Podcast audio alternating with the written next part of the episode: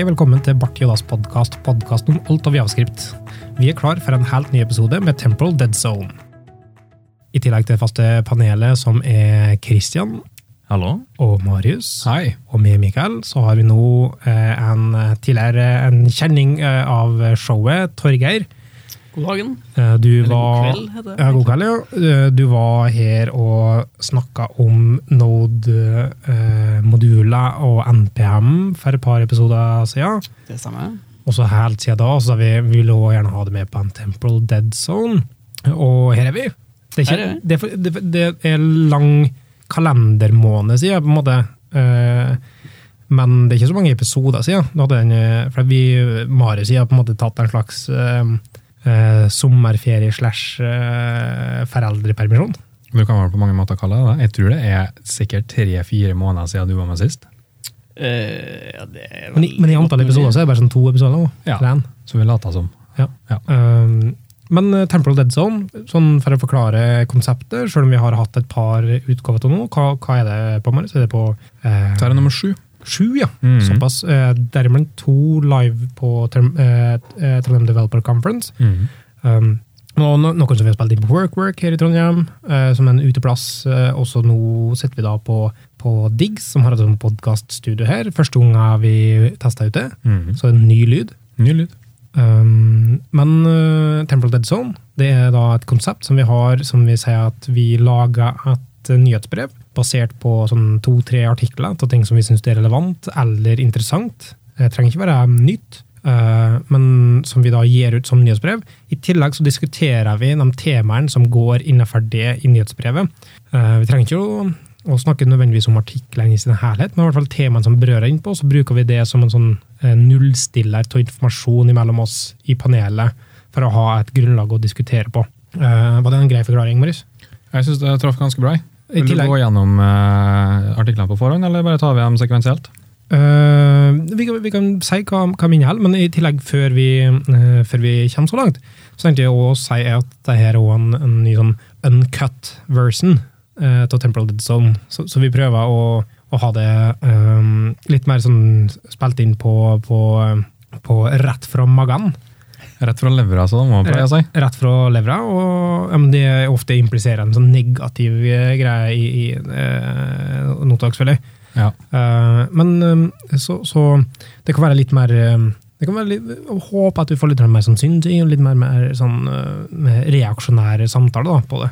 Og som vi allerede har vært inne på tidligere episoder, der vi tidligere har hatt manus, så har vi da ikke det i denne episoden. Ja, For den vitsen blir aldri gammel, Marius. Nei da, den, eh, den utdateres aldri. Eh, skal vi se om vi får artiklene opp. Jeg har dem her, hvis du vil. eh, Skal jeg nevne eh, Vi har, eh, vi har tre artikler som vi har eh, foran meg òg, faktisk. ja, Eh, så vi har da Og der igjen, det ligger på, på bartidas.io, så har vi et eget nyhetsbrev som en egen, en egen, uh, eh, egen bloggpost der, som du kan følge med og lese dem eh, for deg sjøl. I tillegg til at det står i shownotes, sånn som alltid, på bartidas.io. Kan kan jeg faktisk få det som et nyhetsbrev? også? Ja, du kan få det som, uh, vi, har ikke, vi har ikke sendt ut uh, uh, skal være helt ærlig, så er jeg litt sånn bekymret for GDPR-opplegget. Så Vi har en sånn mulighet til å signere opp på nyhetsbrev, men jeg har ikke brukt det til noe. Jeg har uh, kobla til en sånn Mailchimp-liste, eh, men så har jeg ikke turt å sende ut noe e-post på det. Men, men på et tidspunkt Vi har ikke så mange subscribers, kanskje 20 stykk, da, men, men de eksisterer. Ja, ja. Får jeg si at jeg kom, Så skal jeg det, sjekke. det er 20 stykk som sitter og venter på noe de ikke får? Ja, Noen har venta i to år. Imponerende. Ja. Uh, kan mye aktiv venting det er, vet ikke.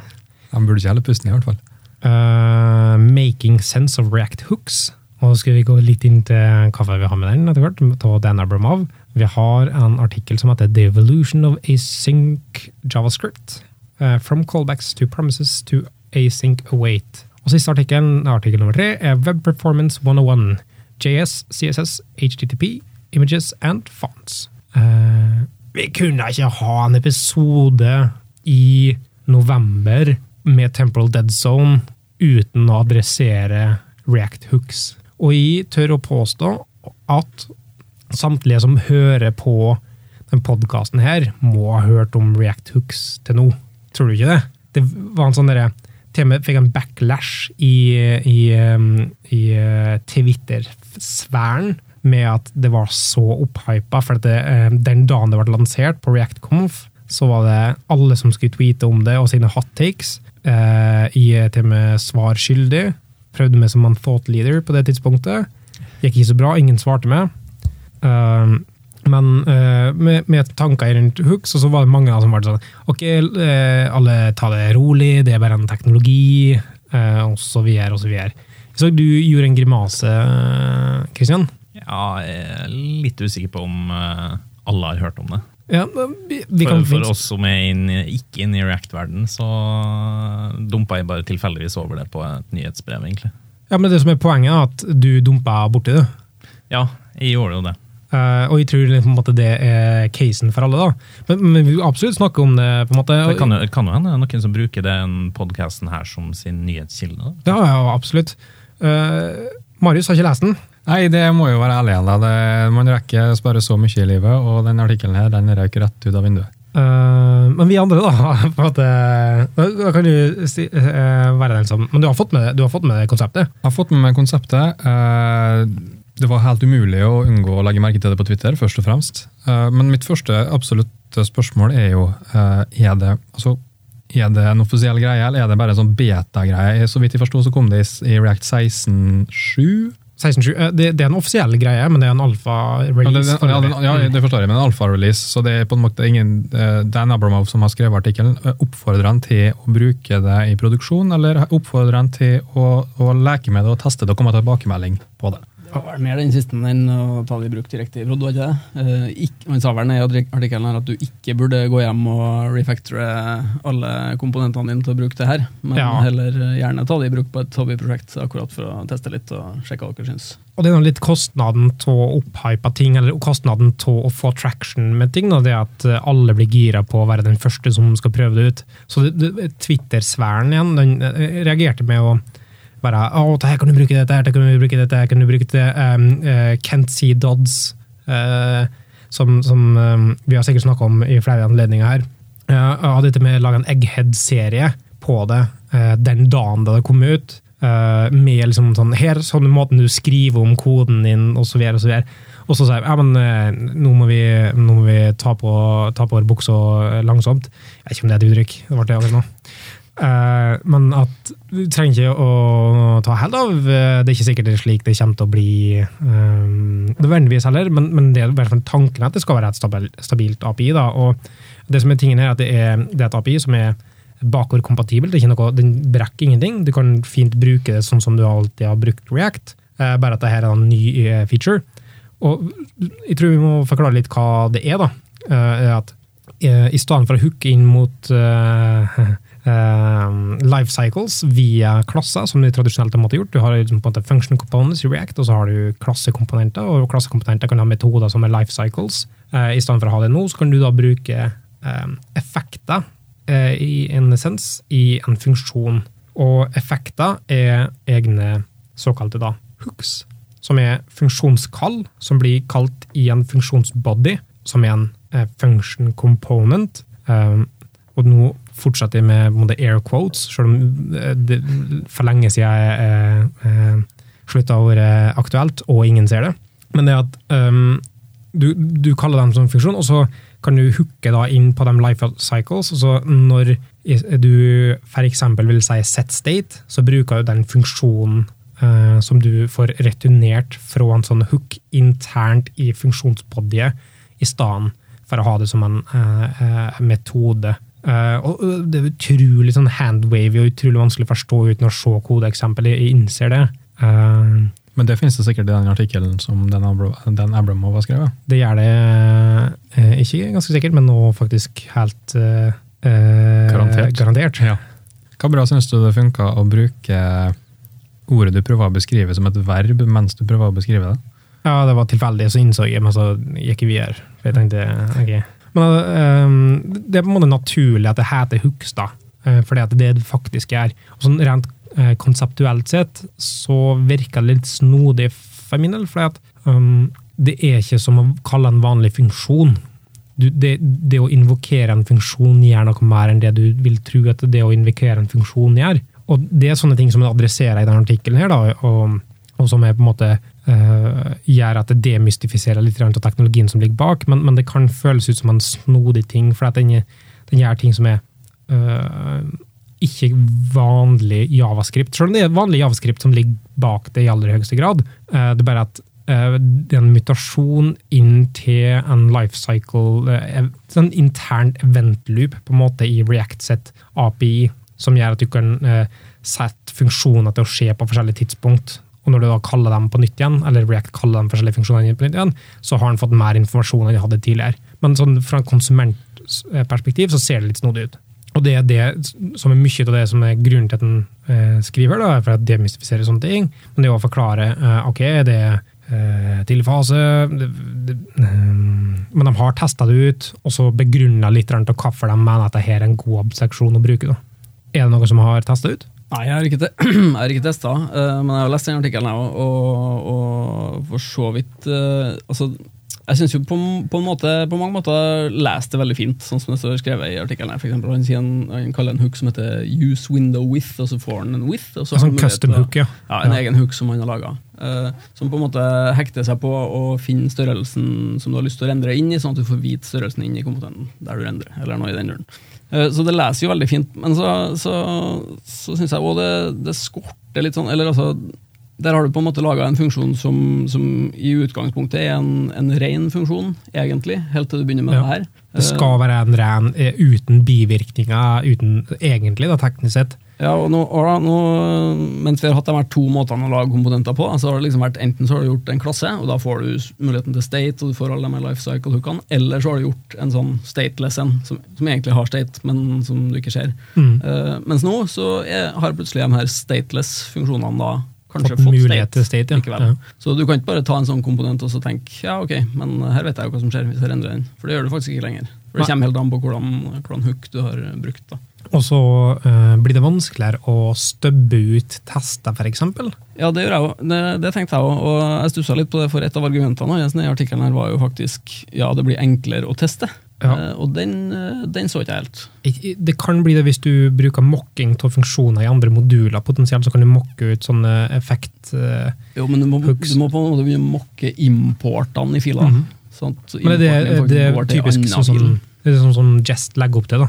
Som er, De som gjør er det, men det er jo fortsatt en litt rar måte å gjøre det på, i stedet for å bare sende inn det som er dependencies. Ja, jeg er enig. Uh, Så, så det går litt imot det funksjonelle prinsippet, men samtidig så argumenterer jeg for at det, nei, det er fortsatt på en måte det. Og Du trenger ikke henge seg opp at det skal være det på, at det må være funksjonelt for at det skal være bra, men, men uh, for min del så virker det som at det mister en del av de uh, gode, definerte reglene som gjorde eh, den typen arkitektur bra. da. Eh, Du kan i hvert fall, ja. Du har jo fortsatt muligheten til å bruke det her, også, ja. Eh, men likevel beholde det, stort sett. Mm. Uh, men samtidig så uh, kan det hende at det modnes når du bruker det, sånn som mange ting gjør. Men, og jeg er jeg er nok ofte mer skeptisk enn jeg trenger å være til, til nye ting. Men det finnes alternative API-er på å komponere sånne type funksjonelle komponenter med tilsvarende funksjonalitet som har sett mer elegant ut, etter min eh, eh, Sånn som han eh, Hva heter han? Jared Nei, James Long eh, hadde en sånn abstraksjon til React for å, å lage sånne komponenter som er funksjoner, som kunne lytte på um, life cycles på samme måte. Da. Men, men dette er ikke bare en måte å lytte på life cycles i React på, men det er, det er en ekstra dimensjon. Det, det er en slags, Du får mye av gevinsten av mixins, bare at den er enklere å bruke enn mixins, eh, og den er mindre footgun-verdi enn mixins, så, så den, lover eh, mer. da. Og noen av demoene ser utrolig eh, tiltalende ut i, i, i bruken, i enkelhet eh, på bruken. da. Ja, det, synes, det er jeg helt enig i, og det, det leser veldig mye bedre enn mange av de eh, eksemplene med store klasser med, med componented mount og did update og will receive props og alle de der. Så, så ser det ganske mye finere ut, og det er mye enklere å forstå hva som foregår av å lese noen av de eksemplene her enn eh, enn dem tidligere. Og det som jeg synes er interessant, er at det er ingenting her som er spesifikt til React, egentlig. Eh, Det er teknologi som er, er mer et konsept som du kan abstrahere. Og det var noe som har gjort det samme han Ev- Evan View, som heter Venue, eller noe sånt, der, men han som laga View, eh, lagde en eh, proof of concept på samme abstraksjon i View på eh, eh, hva var 122 linjekode, eller noe sånt der. Eh, og det betyr potensielt at du kunne ha brukt, hvis du hadde gjort det som en, som en standard, da, på en måte, eh, API, så kunne du ha delt sånne forskjellige hooks, custom hooks, på tvers av bibliotek. Og jeg så sånn som eh, Laurie Voss, en Seldo fra en av oppstarterne av NPM, sa at um, det med å kunne ha liksom sånn um, hooks inne på NPM og dra ned forskjellige komponerbare uh, måter å bygge API på, kommer til å være en, en større game changer i, i um, React enn, en vi har sett til nå. Da. Jeg greier ikke helt å se hvordan sånne hooks skal kunne funke på tvers av eh, alle rammeverk, eller mange rammeverk, da, egentlig. De vil jo ha Sånn jeg har forstått det, så hvis du skal lage en custom hook, så kan du må du bruke noe Du må bruke liksom use effect eller set state. Ja, de to hooksa de kommer innebygd. Men uh, du får jo ikke tak i noe uh, events, f.eks., som vil være rammeverksspesifikk og sånt. Um, hva slags eventer tenker du på? Nei, Lifecycle events kan jo ha med seg diverse informasjon. F.eks. I Angler så har du NG on changes, uh, lifecycle-hooken, som har med seg eventdata om hva det er som har endra seg i den change detection-runden der. Da. Det vil jo være rammeverksspesifikt om de har lyst til å ha med den informasjonen eller ikke. tenker jeg da. Ja. Uh, nei, greia er at uh, Det blir vanskelig i enkelte tilfeller, men det kommer an på hva slags informasjon du sender inn. Uh, du kan jo velge å sende inn det til konsumenten, eller videreføre det til konsumenten osv. Så, så Så det er nok ikke alt som kan gjenbrukes. men sånn som opererer på vinduobjektet, eller sånn type ting. Men, men, kanskje det er bare de, de, de lavtersklene. Ja. Jeg regner med at React har sannsynligvis mer enn to events Altså setup og teardown. Han har sikkert mer enn det innimellom der. Det er ikke så mye venstre, det er mer, mer sånn måte mounting, unmounting og updating. Og, eh, og det er på en måte uh, pretty much it. Altså det ja, for det, det virker som at den der use-effekten på en måte kjører um, På mount og unmount. Ja, det, men alt innimellom der får du ikke vite om.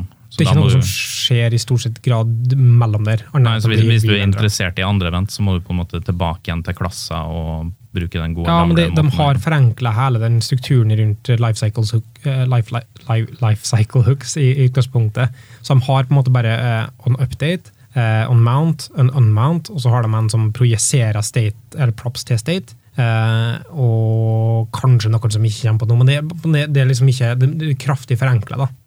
Og det er mer sånn type insert node, remove node-type Node i dom, domen da, på en måte skal gjenspeile. Ja. Så, så, det er blitt forenkla en del. Det er ikke så mye som um, spesifikke uh, hooks lenger, egentlig. Ja, Nei, for det virker som I dokumentasjonen på det her, så virker det som at den på en måte Vanligvis så bruker man å ha sånn cirka den samme koden både mm. i mount- og update-metodene. Og at det her på en måte samler dem i én og samme ting. da. Det kan jo være, være greit. Uh, ja, typisk. Men sånn som update kunne vært uh, uh, gjenstander som skjer når du endrer på komponenten i seg sjøl, men ikke mountene den på nytt. Hvis den fortsatt er oppe. Mm. Så, men, men, hvis den her slår begge de to i, i Antmic, så er det bare fordelaktig å mm. redusere antall konsept.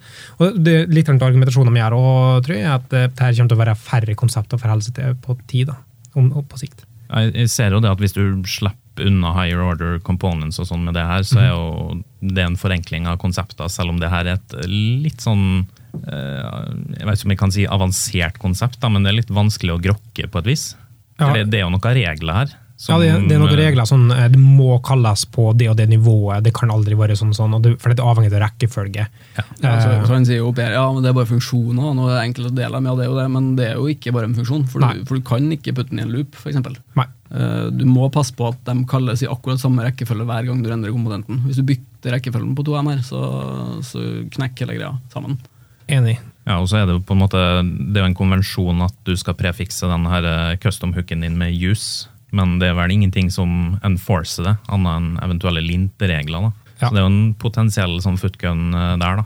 Ja, det, det, er kanskje ikke den største bekymringen jeg har eh, ferdig her, da, sånn sett. Nei. Det er bare for leselighetens del, ja. men, men ja.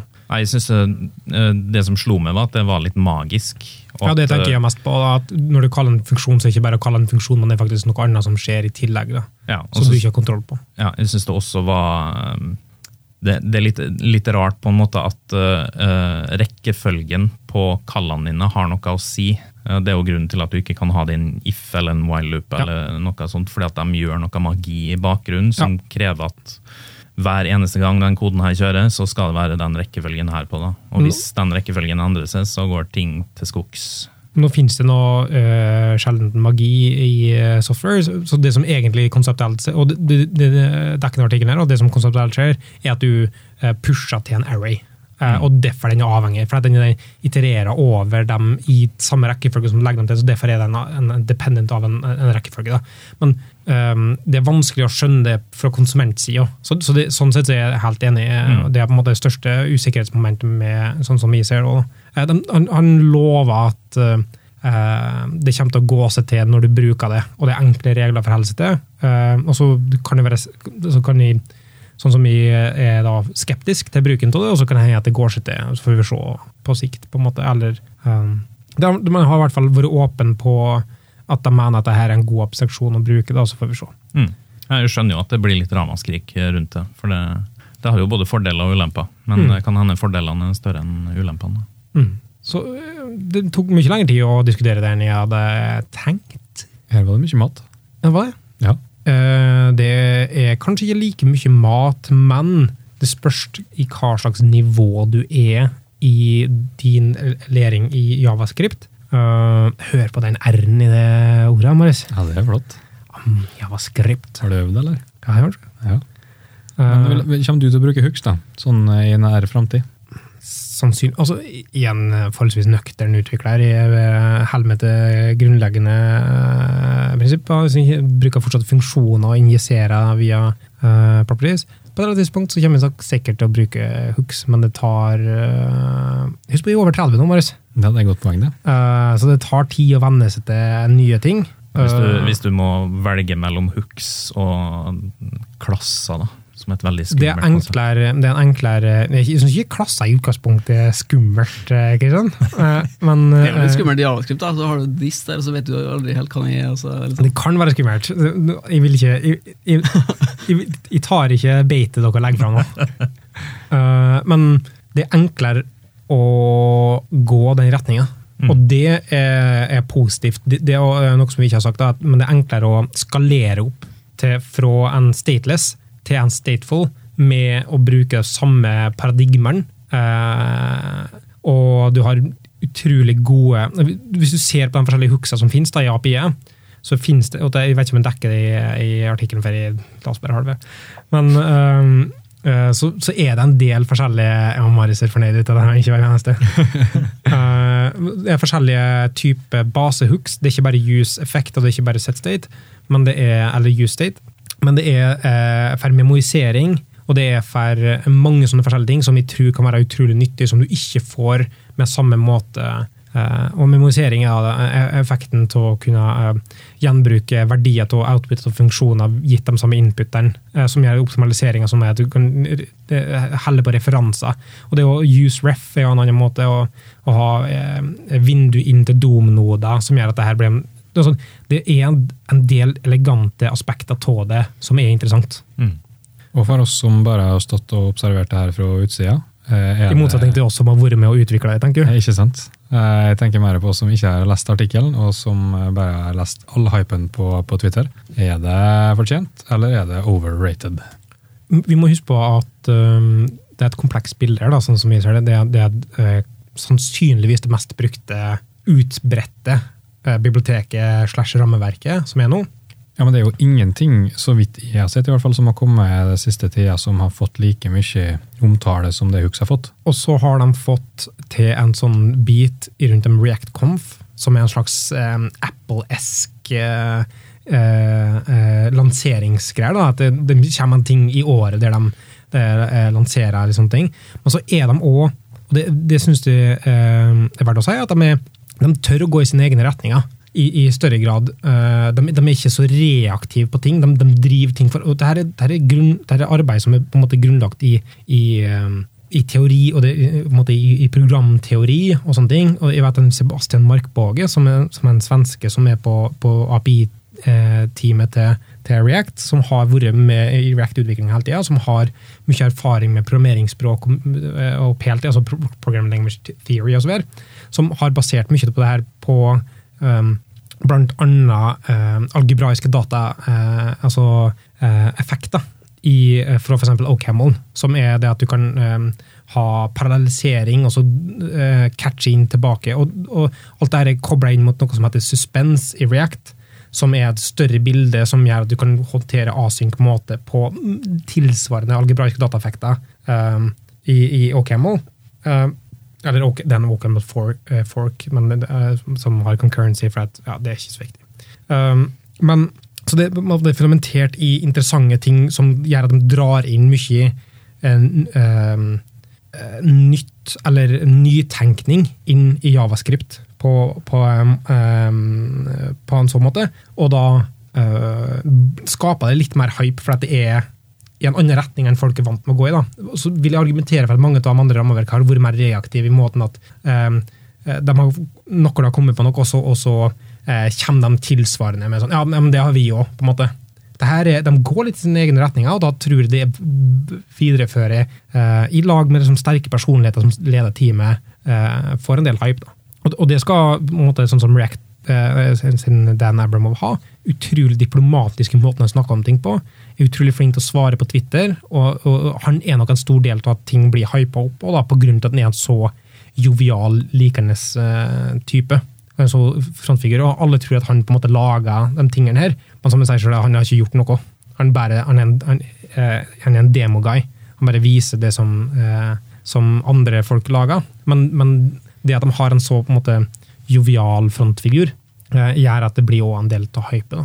Ja, jeg er helt enig, og han er jo flink til å fronte det. Eh, Sånn som i artikkelen, og det er skrevet på en veldig sånn, sånn behagelig måte. Og, og prøver liksom å legge en litt sånn demper på den her eh, hypen. og Hva hva sto det? Spread, spread love, not hype, eller eller annet. Ja. Men, eh, Men det er en reaksjon på at det ble mye hype, og mange så sånn ja, men, men eh, likevel så er det ikke en sånn, det er ikke en sånn, her, eh, sånn slår i bordet. Det her er måten å gjøre det på. Det er ganske sånn forsiktig Ja, eh, det det. skrevet på en ganske sånn forsiktig måte. Men at ja, det her har vi lyst til å teste, vi tenker at det kanskje er en god idé. mm. Så jeg er ganske ydmyk sånn sett. jeg. Ja, det er det.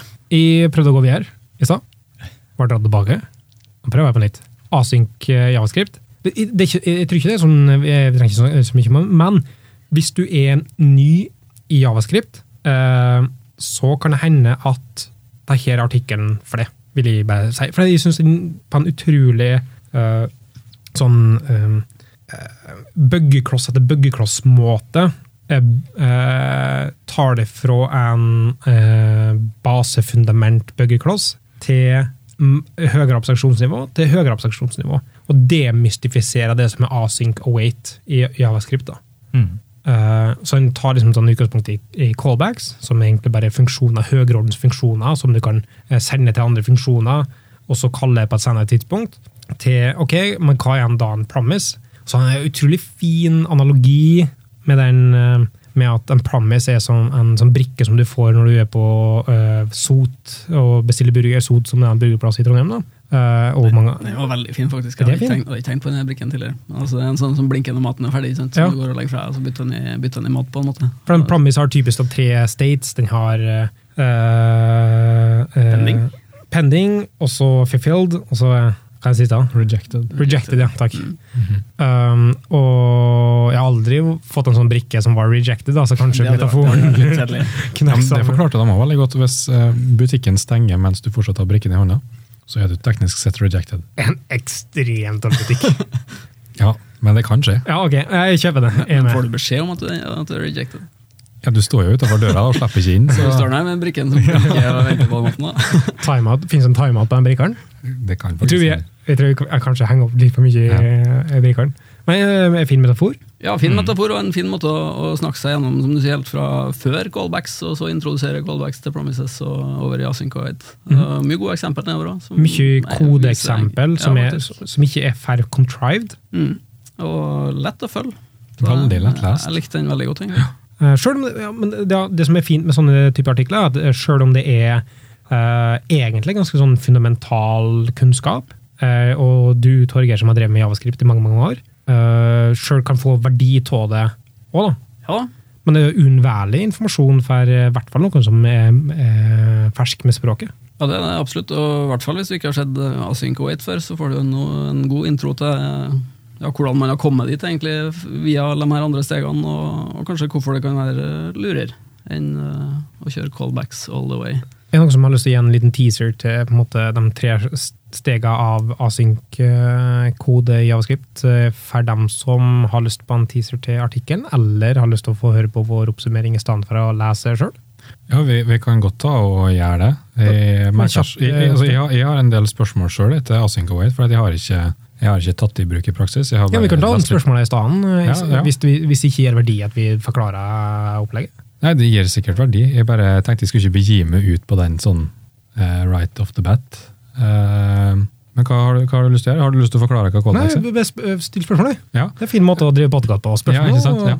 så diskuterer Eh, nei, altså, eh, fordi at, eh, som sagt, jeg har jo ikke tatt i bruk eh, Async Await i praksis, jeg har bare lest om det. Og når du For du må jo kan man si at du må dekorere funksjonen med async for at den skal kunne være async await. Jeg ville vil ikke brukt det ordet, for dekorasjon er um, ofte tilknyttet en mer eh, funksjonell aspekt av det å, å eh, endre på oppførselen av en funksjon med å wrappe det i en funksjon, da, som er mer, mer, eh, mer vanlig å bruke som terminologi i, i, rundt dekorasjon. Jeg skjønner, men for å, for å Du vil- du vil- si at du vil prefikse funksjonen, Du vil annotere den med en keyword. ja, Ja. som er async. Mm -hmm.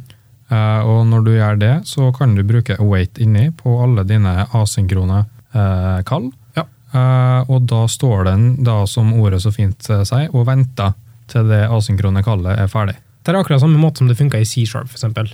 Du kan ikke bruke await keywordet i en function body eller method body, med mindre du har satt uh, at den funksjonen i seg sjøl er async. Det i praksis, når du setter en funksjon til async, betyr at den her returnerer en promise. For det bugger opp av promises. Du kan ikke, uh, det, at, det er på en måte rett det du sier med at du kan await uh, async-kode, men, men det, det er òg heller ikke rett. Ja, for det, det, det kanskje det litt spørsmålet mitt ligger da. I, I hva stor grad venter du? Lås, eh, full lås, eller venter du? Det er teknisk sett bare syntaktisk sukker for å chaine forskjellige eh, promise-kall. Så du kunne skrevet akkurat samme måten, bare med den, den, den, den, den. Så, så, det du egentlig, så det du får tilbake da ved å sette async på funksjonen, det er et promise. Og i verste fall så sitter du igjen med en lovnad du aldri får eh, inn eh, før. eh, Du kan reject den, men da Ja. er det som en catch. Men du låser ikke mainthreaden, det er det jeg egentlig vil fram til. nei, nei, Det er- nei, det er akkurat samme som en promise. Det er egentlig bare promises som ligger bak. Eh, Men det som er, eh, jeg sier at det er syntaktisk sukker, eh, og jeg tror ikke artikkelen her adresserer det, men det er en fordel som er, med, som er en faktisk semantisk fordel med å bruke async await, eh, som du ikke får med å bruke promises. For i, teorien så kunne du brukt promises bestandig, men det, det er en slags form for eh, eh, imperativ følelse til oppbygging for å si ok, nå vil jeg ha den verdien her, nå vil jeg ha den verdien her, sånn les enklere for mange. Sånn at du slipper å bruke then chains i promises. Men det er en fordel som du får, semantisk fordel, er at du kan ha en finally catch-all i koden din. I, i eh, vanlige eh, imperative statements så kunne du ha et try, en eller annen eh, body med, med work, og så catch, som sier ok, når den feiler, noe body of work feiler, så, så håndterer vi det. Og så kan du ha en final statement, finally, så er uavhengig om det blir successful eller rejected, eller catch, altså om det feiler eller ikke feiler, så skal du gjøre noe. Eksempel clean up database osv. Um, og, og som er nyttig ofte i IO-settinger. Uh, frigjøre ressurser, uh, slette casher osv. Det er ikke noe som er mulig med promises på en enkel måte. Uh, du må legge med funksjonaliteten både på den og på catch. Men med async await så kan du ha en finally block, og den fungerer. Så det er òg en fordel du har med, med async await. da. Og du kan, du kan uh, bruke både promises og async await sammen, da, i og med at de Ja, ja. eller async await bygger på promises. Ja, Så hvis, det- du har, hvis du har en kodebase som er full av promises, så kan du begynne å skrive om kode til async await om du har lyst til det. Ja, absolutt. Ser vi for oss at vi i framtida kommer til å gå i større grad over til async await i stedet for promises, eller er det på en måte litt sånn hipp som happ, mm, basert på hva du føler Du kan ikke ha ene uten andre. da, på en måte. Eller du kan ha det ene uten andre, men du kan ikke ha, du kan ikke async await uten promises. Nei. Eh, Så det vil bli sånn ekstra. Og, og det enkelte tilfellet der komponerbarheten av asynkrone funksjon, funksjoner er enklere enn dennable context. Og jeg tror kanskje den setninga som vi sa nå, gir en mening, men jeg skjønner at den er vanskelig å parse. Eh, Men det er mye enklere og dynamisk, for det, det, det, handler, om, det handler om uttrykk. Mens eh, async await er statements. Statements er eh, av natur, grammatisk natur, ikke komponerbare. Mens funksjonskall og eh, expressions de er komponerbare, så du kan dynamisk bygge opp eh, byggeklosser basert på dem. Så, så du, du De ga mening, det, jeg. Ja, jeg synes det, eh, men du kan jo, du kan jo for så vidt gjenbruke dem, men da må du faktisk trekke det ut i en async-funksjon, som Ja. du kan komponere med noen Du, andre. du får ikke samme eh, eh, dynamikkheten bak det. Og du får på en måte enda et nivå av, av promises du må, Ja. du må håndtere. Um, så, så Promises kommer til å eksistere. Du, du kommer ikke til å kunne skrive om all koden din tror jeg, til bare bruk async await, men sånn fra et konsumentperspektiv så vil det meste være async await. Og der er det ikke bare sånn at det kommer til å komme i framtida, men for folk som bruker eksempel Node som primær javascript engine, eller V8 via Node, whatever, eh, så er det en realitet i dag. Eh, Det er innebygd i Node 10, eh, så du kan bruke async await uten noen form for ekstra babelifisering osv. Og flere og flere bruker det òg. Selv om du må ha en sånn runtime for å håndtere det i nettleseren, så blir det mer og mer brukt. Av at mange ser fordeler med å, med å bruke det. Og så syns de òg feilhåndtering er mye mer eksplisitt med det. For det er vanskelig med feilhåndtering med promises. Hvis du har en catch før en, i, i tidligere chain, så vil den si ok, nå har jeg håndtert feilmeldinga, så derfor bare fortsetter i chainen, og så får du da en undefined i neste del av chainen. Eh, Så det er avhengig av rekkefølge på sånne ting. Det er mye mer eksplisitt enn en, uh, uh, async await. Ja, ikke minst hvis du glemmer en catch, så Mhm. forsvinner feilen. Mens her så får du jo da midt i fleisen.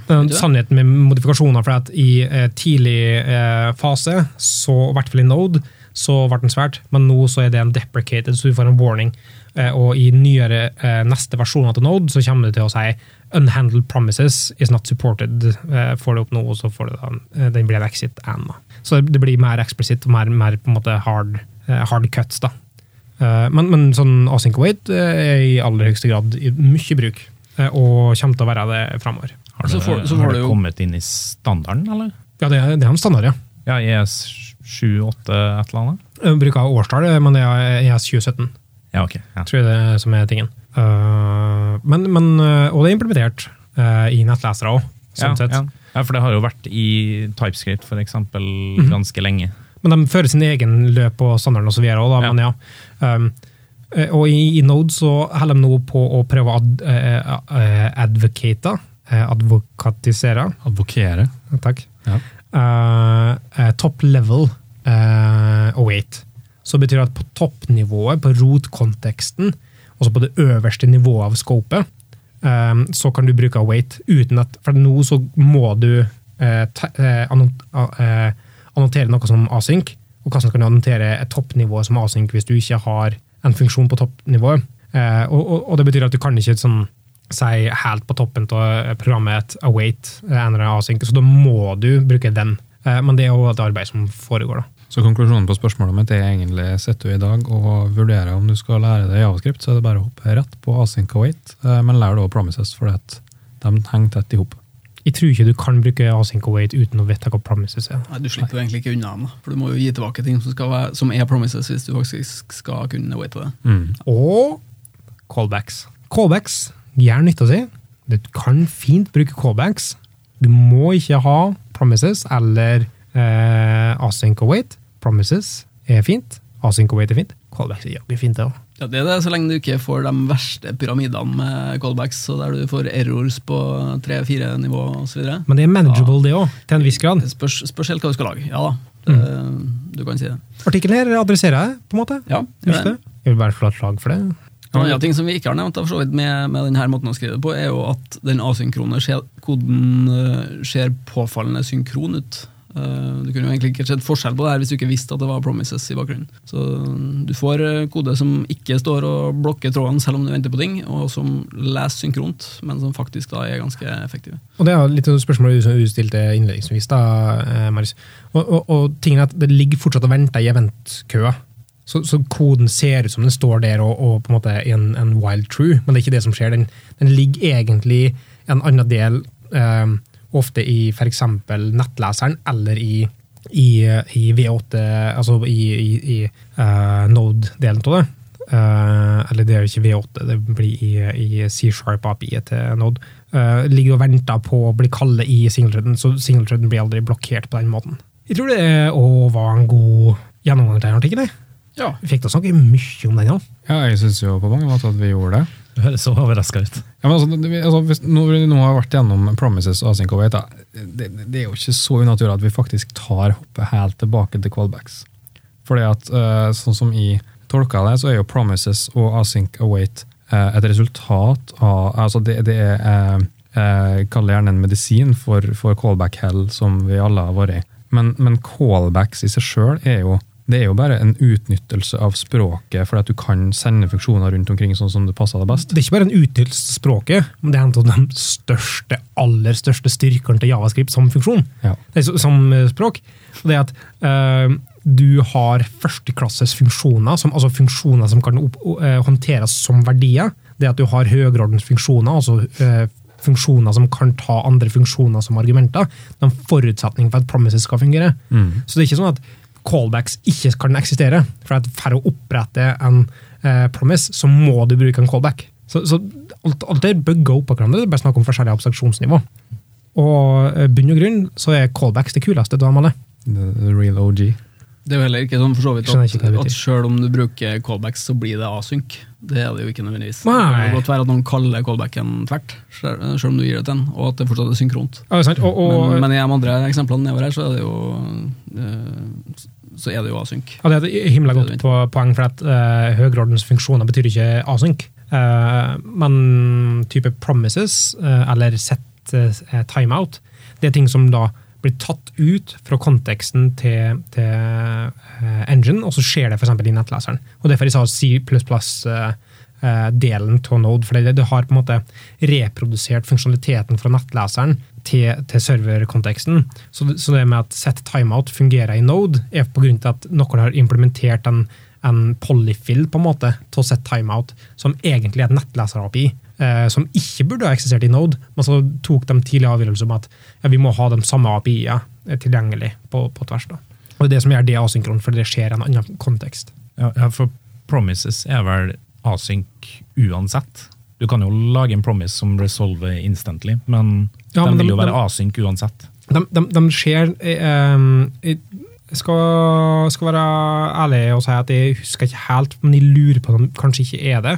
Um, vanligvis sier jeg at hvis du har en set timeout med, med null, så vil det fortsatt bli flytta på, på slutten av eventkøa. Eh, men promises er, er, er av natur uh, eager og ikke lazy. Som betyr at de blir tilgjengelig med en gang resultatet er tilgjengelig. Og de kan teknisk sett blokke, tror jeg. Så hvis du har en, en, en ikke-asynkron um, promise, så tror jeg ikke den vil være samme som en next tick eller set timeout med at de er asynkron for de skjer i en annen kontekst. Jeg tror de skjer med en gang, og de kan blokke på grunn av den eager eh, så, så egentlig så er promise mer likt en, en, en måte å, å, som kalles å thunke ting på, som er å, å, flytte ut eh, invokasjonsmuligheten til, til, til en, et sett med operasjoner til å, å, å helle på dem eh, uten å kalle dem. Eh, som, som, men de er fortsatt eager med en gang du kaller dem. Her blir for det teknisk. Eh, jeg.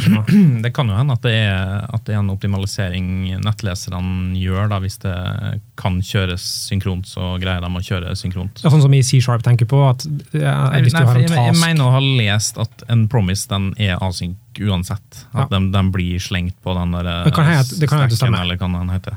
Det kan hete som jeg, jeg husker rett og slett ikke, men uh, garantert noen uh, der hjemme som husker, som kan sende inn på Twitter på at underscore partidas. Performance, da, folkens. Bare si Yes. én ting. Det siste, okay. det siste eksempelet. Når, når det var to sånne awaits under hverandre, så skulle jeg bare ønske da at han faktisk hadde initiert begge promisene. At det var et eksempel der du Ja. kunne vise frem hvor enkelt du faktisk kunne gjøre ting i parallell. For nå var det sånn at Du henta en user der, og så henta du været for den brukeren etterpå. Så du måtte på en måte ha brukeren først. Men hvis det nå var to uavhengige ting, så kunne du faktisk kalt funksjonene som gir tilbake promises, først på hver sin linje uten å await, så at du har to promises. og så kan du await begge. Så du vil bare vente på den som tar lengst tid. Altså Hvis den første blir ferdig først, så kjører du selvfølgelig videre og venter på nesten. Hvis det er omvendt, så venter du bare på den som tar lengst tid. Så når du kommer til neste waiten, så er den egentlig allerede ferdig. Så det blir det Så samme som su- Promise superenk- All, da. Superenkel måte for å gjøre ting eh, faktisk i parallell. Og, men men eh, det du sier nå med det er en slags promise eh, du kan fortsatt bruke promise all. Mm. Eh, altså, det å, å ha det ene for du kunne hatt await, promise all, og så de to andre som du har hatt. Eh, også, da. Det kan du. Det er så fint med mange måter å gjøre ting på, for det er så mange Ja, men da er den eneste måten å få til at du skal vente på at nå skal det her ventes til eh, slutten. For det er at, igjen, eh, Entiteten du opererer på, er en promise. Selv om du bruker en annen syntaks, så er det eh, promise som ligger til grunn. Altså det er på en måte eh, grunnentiteten, eller det basetypen. Eller eh, teknisk sett så tror jeg det ofte kalles en funktor. Eh, som eh, vi ikke skal begi oss så mye ut på. Eh, men, men poenget er at du kan eh, bruke den eh, til å, å transformere til nye dataverdier, og så eh, ligger det da et syntaktisk sukker på toppen for å gjøre den håndteringa enklere i en natur som, som mer folk er vant med. Da. Men Sa dere nå at dere kunne få til samme funksjonaliteten som Promise All med å bare bruke Await? Ja, eller eller Samme blir jo Det blir kanskje litt sånn eh, teknisk eh, teknikaliteter om det er akkurat det samme eller ikke. da Men du kan i hvert fall få til det at du starter to promises samtidig tilnærma. Du starter den ene på ene linja, starter den andre på neste linja. Og så kaller du det wait på den første, så kaller du det wait på den andre. Ja. Det spiller ikke en rolle hvem av dem som tar lengst tid. Eh, Du vil faktisk bare vente på den totale tida det tar uansett. Mm. Altså før, det, før den som tar lengst tid, blir ferdig. da Ja, men det er vel Jo, på en måte. Eh, det er sant. Men det er ikke akkurat det samme Nei. som å si Promise All, som venter til akkurat begge to er ferdig, og Nei. så eh, blir du kalt. Men du, du oppnår jo inn effekt akkurat det samme. Ja, du gjør kanskje det. Jeg klarer ikke tenke akkurat om, det blir det samme. for at eh, Hva om den ene tar mye lengre tid enn den andre, og du wa- waiter på den først, så vil du faktisk eh, Hvis den skjer i en annen kontekst, så Den vil jo foregå samtidig, så du vil jo bare bruke den tida du trenger å bruke. Ikke? Du har sikkert rett. Ja, jeg tror det, altså. Eh, men, men det er en viktig diskusjon det du tar opp her, da, for at, eh, det er utrolig relevant eh, når du skal tenke på performance. For, for en Kommer vi, oss faktisk, kommer vi oss videre til den siste artikkelen? Nå er Ikke det- noe Eh, nei, men altså, grunnen til at vi vil tvinge oss over på den greia, er at jeg likte denne artikkelen usedvanlig godt. Web Performance 101-artikkelen. Ja, Mm. Det er egentlig en presentasjon. Bedre enn den forrige. Altså. Uh, jeg likte alle. Det sier jo kanskje litt om hva utrolig bra det her nyhetsbrevet er. At det her er et bra nyhetsbrev. faktisk. men, men altså, ok, her er, her er greia. Den tar for seg, eh, som, som vi sa innledningsvis, eller som jeg, måtte, ligger i tittelen, eh, den tar web, web Performance 101 innenfor Javascript, innenfor CSS, innenfor HTP, images og fonts. Og den tar ikke den avanserte, uh, avanserte teknikk- Den tar low-hanging fruits, som er lett å implementere uh, i de aller fleste tilfeller, men fortsatt har en stor gevinst. Og det var et par ting her som uh, jeg har sett, men som jeg aldri på en måte har orka å uh, gravd meg inn i hva det faktisk betyr. Forskjellen på f.eks.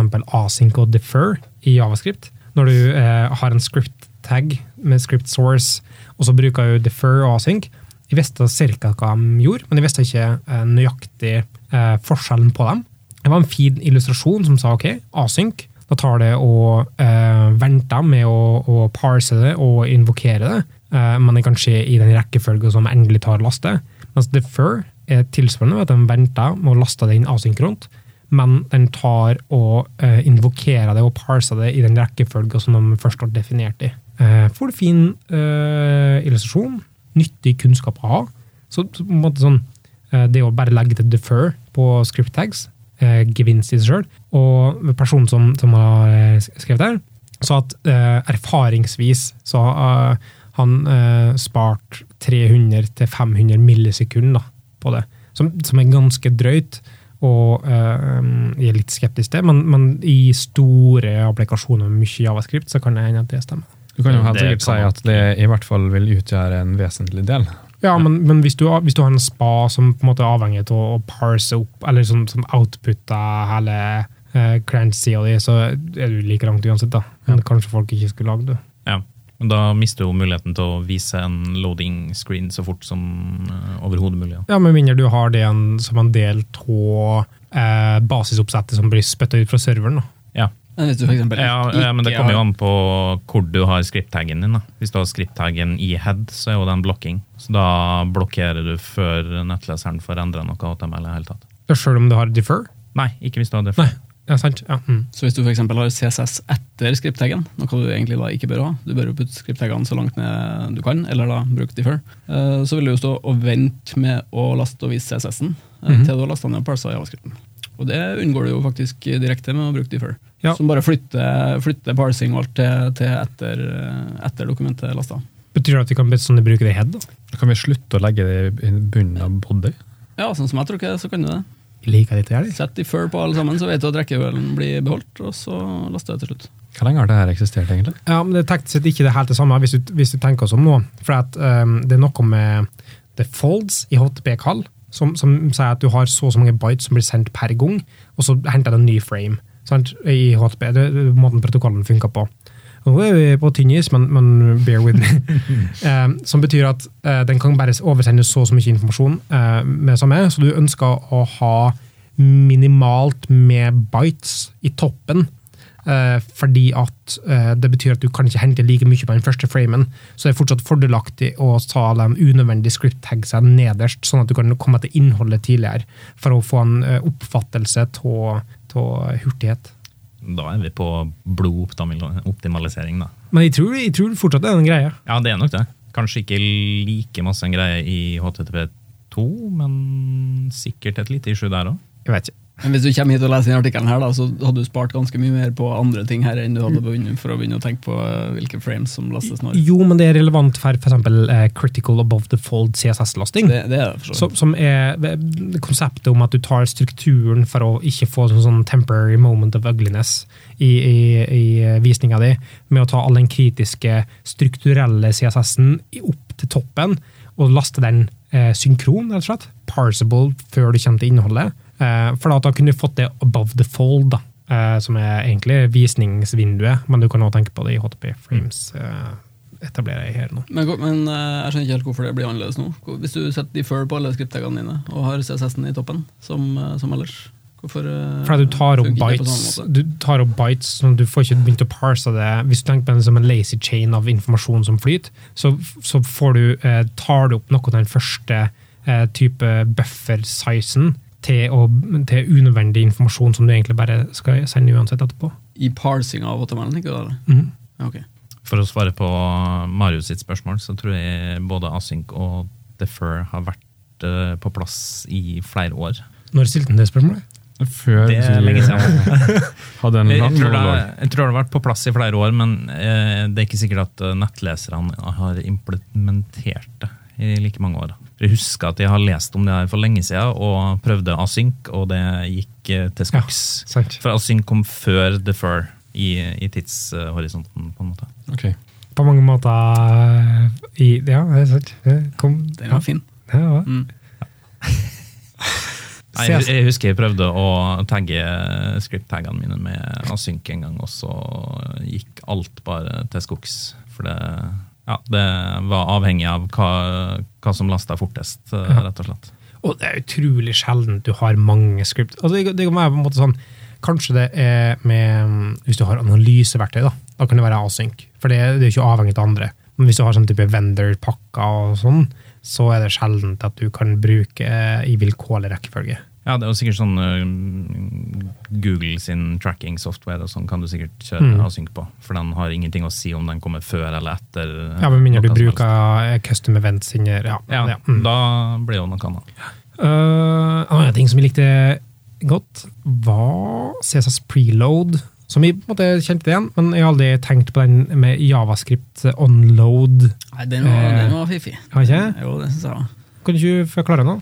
Ja, han lasta, han lasta jo den, eh, eller en link-tag med um, ass-style i stedet for å referere CS-en direkte. Og så satt han eh, rel-attributtet til preload, um, som gjør at uh, du instruerer browseren om å begynne å fetche den uh, i forkant. Og så i onload-attributtet så skrev han faktisk javascript som bytta ut this.rel, altså det rel-attributtet man nettopp satte til preload, til å bli stylesheet. Som da faktisk gjør at browseren skyndte seg med å prøve å laste ned, og i det han har fått det, så sier han nei, men du, det her er jo et stylesheet, og så gjør han det om til et stylesheet. Så det var ganske, det var ganske Han- han fiffig, triks. Skrev vel at han opplevde det som et hack, da. Ja, og det, det kan jeg jo være med på, men, eh, men det var jo et fint triks likevel. Ikke? Jeg likte den. Betyr det at vi kan forvente å få lignende offisiell støtte for sånn funksjonalitet i framtida? Ja, ny rel, som sier på en måte rel until, eller sånn rel uh, eventually style sheet. Ja, Jo, men det er jo litt sånn som den der, det fontattributtet som har blitt diskutert lenger ned. eh, Ja, kjenner- kjenner fra- kjenner Ja, ja, ja. Men det, det, det, er på mange, på mange måter det samme som det her gjør, da, men for fonter. hva er det som skjer hvis du ikke har på den onload eh, javascript-snuten der? Da blir vel aldri fila tolka som et stylesheet, sånn at du ikke får den som en del av eh, den CSS-en du faktisk da har lasta og trer ikke i kraft i dokumentet. Da blir det sånn Ja, som ok, en så da, da må du ha en link-tag til, da, egentlig. Ja, eller da må du injisere det via javascript i et sånt Ja. tidspunkt. Ja, en egentlig via javascript, da, hvis ikke så vil du jo blokke på, Ja. på den stylesheeten. Ja, det blir det samme som HTTP, eh, eh, sånn, eh, der du har prefetch og preload, alle de der forskjellige tingene. Mm. Eh, Pre-DNS eller hva det var for noe. Eh, mange forskjellige sånne eh, link-attributter for å, å håndtere. Så vil det bare Ja, du lasta det inn, men du, det blir aldri et style-shit. da. Mm. Så her får du eh, Ja, det var, det var elegant. Jeg har aldri prøvd ut uh... Forslaget hans her var jo å bruke det her på, på ikke-kritisk CSS. da, At du faktisk Ja. inliner inn CSS-en som er kritisk, og så gjør du det her på ekstra CSS. Så får du den på en måte lasta når Men grunnen til at du innliner jeg Ja. tror igjen er litt rundt snakke om at du får det på én HTP connection, Ja. uh, som, som gjør at du slipper overheaden til å, å hente nye ting. Og den, den taggen her igjen da vil du ha så høyt opp i eh, HTML-dokumentet ditt som overhodet mulig. Sånn at nettleseren får parsa det fortest mulig, og så får den begynt å kjøre requestet til CSS-filene. Du har et par sånne, eh, og det kan hende ikke gjeldende lenger, men jeg mener at du har en sånn begrensninger på at eh, den første framen fra HTP-requesten skal inneholde f.eks. meta eh, charset-tegnet, så den skal ligge først. Eh, det var i hvert fall sånne valideringsregler eh, back in the day, da. Eh, og, og jeg tror kanskje det gjelder ennå. Godt mulig. Så, så jeg vet ikke om du på en måte, kan ha en rett til HTML-head-greia. Ja, du, du vil helst ha den oppi head-taggen et sted, da, i ja, hvert fall. ja, ja. sånn at den kommer så fort som mulig. Det kommer litt an på hva du putter i nå. altså Hvis det ikke er kritisk CSS, eller CSS for en eller annen pop-up som ligger langt nedi i sidestrukturen din, så, så er det jo ikke, noe, er det ikke kritisk å ha den så, så høyt opp. Snakka om code splitting òg. Sånn, sånn type ting, som er jo kanskje den mest eh, jeg tror det har vært referert til som den mest, effektive måten å gjøre det på. I hvert fall hvis du har på en måte sånn kode som du vet i 90 av tilfellene aldri blir lasta. For én ting er overførelseshastigheten av uh, pakka. Altså, ofte så har vi hørt tidligere sånn ja, men eh, ok, det er 300 kilobyte for javascripten, men eh, samtidig så har du bilde som er 500 kilobyte eh, som vises eh, hver gang. Men det er en, det er en annen forskjell, der, for du, bildet trenger ikke parses og eksekveres, så det er en ekstra tilknyttet kostnad der. Men det med å deferre eller lazy opp eh, referansen av eh, andre eh, eh, subset av javascripten din med codesplitting, det kan gjøre at du eh, slipper å laste ned, og du slipper å parse, og du slipper å eksekvere. Så det er stor gevinst der. da. Det er ting som var vanskelig å få til for tre år siden. Ja. Men nå er langt mye enklere. Mm. Ja, Spesielt hvis du bruker verktøy sånn som Webback eller Parcel eller noen sånne, Ja. sånne varianter, så gjør de det jo stort sett for deg. Ja, nå har vel React og lazy loading av roots. De, de har tillata tillatet at du kan lazy load de forskjellige komponentene Ja, ja. via, via um, f.eks. Webpack eller sånne ting. Ja. Ja. Eller det er egentlig via Webpack tilgjengeliggjør en import-type um, konstruksjon som egentlig er en del av spekken, men som ikke er spekka ut i module loading-delen av det. Bare syntaksen for det er håndtert, men ikke, de har ikke, de ikke smoka ut implikasjonene for implementasjonen av module loadinga på det. Men Webpack har da sin, sin måte å tolke det på, som er at du kan bruke den. Og det er litt, eh, Jeg tror den er relatert til suspens, som vi var litt innom tidligere. Jeg tror det er samme type teknologi som, som ligger bak det. da. Ja. I hvert fall når du får lazy loading på roots da, i React og Angular og whatever, så kan du, kan du lage sånne her eh, chunks eller code splitting som splitter rutene dine opp i forskjellige bundles, sånn Mm. at eh, du ikke får den ene store hiten når du går inn på sida di, men at du får små hits eh, når du navigerer det rundt i appen din, da, hvis du Mm. har en app av litt størrelse. Så det, så det har gjort en stor fordel nå med, med Webback. Har tilgjengeliggjort den kodesplittinga, og så har mange andre ført på. og Det kan hende de har tatt det fra inspirasjon fra andre uten at de vet det. Eh, Men uh, kodesplitting har vært mye mye enklere og, og uh, tilgjengelig nå eh, enn for kort tid siden, som, som anbefales. Mm. Jeg har litt lyst til å, sånn avslutningsvis, vi har holdt på ganske lenge, uh, fant display, som er, var, er faktisk eh, en overraskelse for min del. Mm. Font display som vi har aldri sett når vi laster inn custom fonts fra eksempel Google Fonts eller oss så videre, og så laster vi opp ei side, så er det enten så lastes den ikke, og så plutselig, altså det er helt hvitt, og så bam, kommer den. Mm. Um, og uh, det er da font display-propertyen i, i CSS som setter, og da uh, typisk har det en fantisplay auto. Hvis du setter den til fallback, så tar den uh, tilgjengelige systemfonter først, og så eh, skalerer den opp til, til den custom-fonten, som kan være i mange tilfeller. Hvis du har fontface som ikke er så utrolig ulikt en system-font, bare for en ekstra kick, så kan det være en fordel. Men så finnes det en, eh, og så de kjente jeg på en måte litt til, og, eh, men um, optional, vet ikke når den kom, vet ikke, eh, har den eksistert lenge, men i hvert fall ganske kul. Ganske kul. Ja, Det jeg reagerte på her, var at den ikke nevnte den verdien jeg syns kanskje er viktigst. Det er i hvert fall den jeg har brukt i kodebasen på prosjektet sitt på nå, Ja. Samme her. Uh, Tror som heter Swap. Og det, det kan den gjøre, da? Um, det er små forskjeller på disse greiene her. Du har auto, uh, som er den defaulten, og så har du blokk. Um, og der står det på da MDN, si, eh, Mozilla Developer eh, Network, Network, ja. står det at det eh, gir fonten en veldig kort blokkperiode, og så en infinite swap period. Det er på blokk. Um, og på swap så får du en ekstremt liten block period og en infinite swap, mens fallback gir det en small block period og short swap.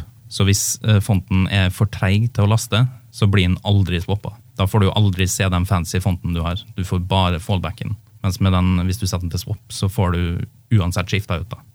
Yes, så det, det har vi jo tenkt. Eh, Det er viktigere å vise innholdet vi har, enn at det vises i en kul font. Men uansett, når du klarer å laste fonten, så er jeg interessert i at du skal ha den, sånn at det ser så bra som mulig ut. Mm. Og Derfor har vi jo kjørt swap på, på fontene. men, men da får du fortsatt en sånn uh, uh, temporary moment of ugliness. Uh, Ja, men den er extremely small. Ja, gitt god nettverkstilstand.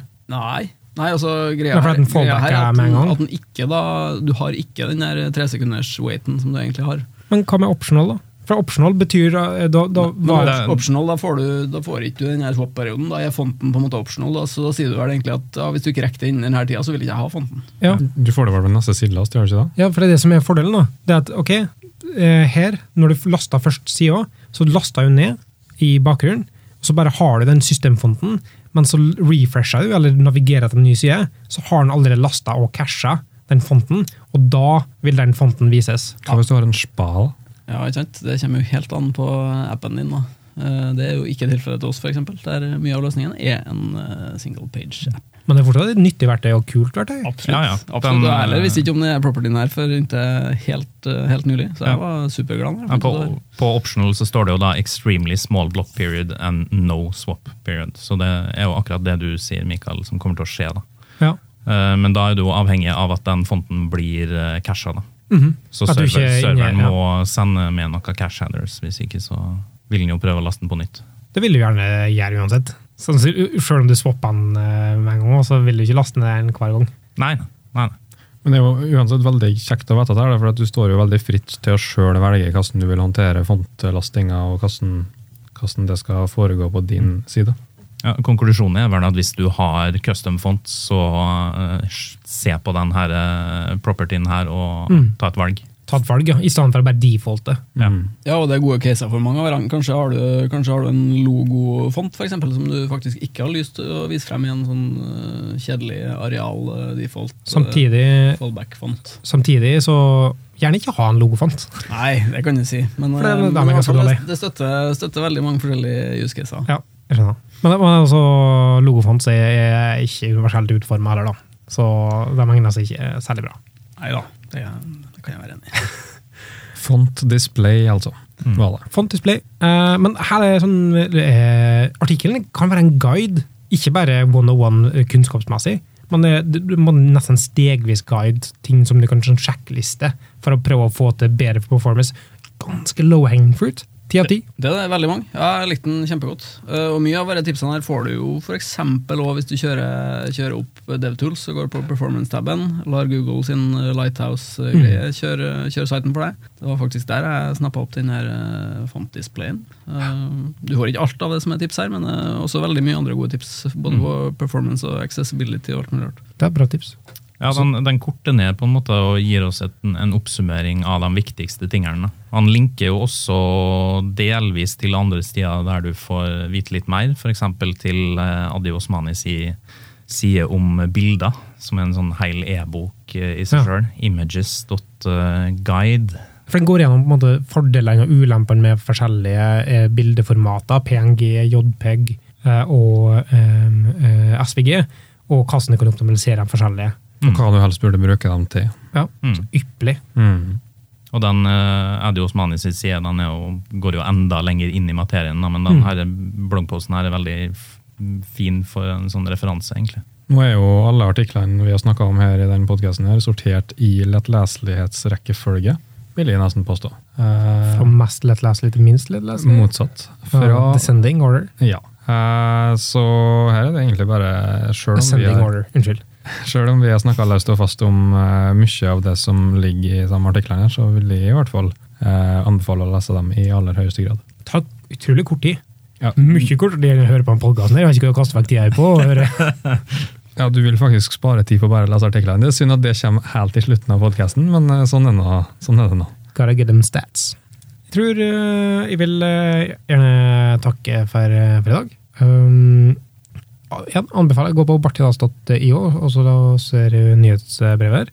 Gjerne signer opp på nyhetsbrevlista, så kanskje vi kan sende ut en e-post en gang. Vi må bare håndtere sånn GDPR-issues. Men vi kan ikke garantere hva vi bruker informasjonen din til. Ja, det kan vi garantere. At vi garanterer at vi bruker den til noe. Særlig til Skipsted. Garantert. Men øh, hvis noen har øh, spørsmål til det, Torgeir, eller har lyst til å diskutere mer om det vi har gjort i dag, har du en plass de kan kontakte på? Jeg vet du er utrolig tidlig ute med alle sosiale medier. altså du Ja, har... ikke sant, ikke sant. Jeg har faktisk eh, Torgeir på Twitter, eksempel. Så det er en fin, en fin, en fin plass. Ja, det, er ikke, det er ikke dårlig. Ja. Kristian, At Larifax på Twitter. har du lyst til å stave? Nei. Nei. Marius? På meg, meg finner du på attkrakels på Twitter. Og meg kan du finne på at Mikael Brevik. Eller så kan du ha kontakt via at underscore Bartidas, så får du svar der òg. Så gjenstår det vel bare å si eh, takk for at du hørte på. Så høres vi i neste episode.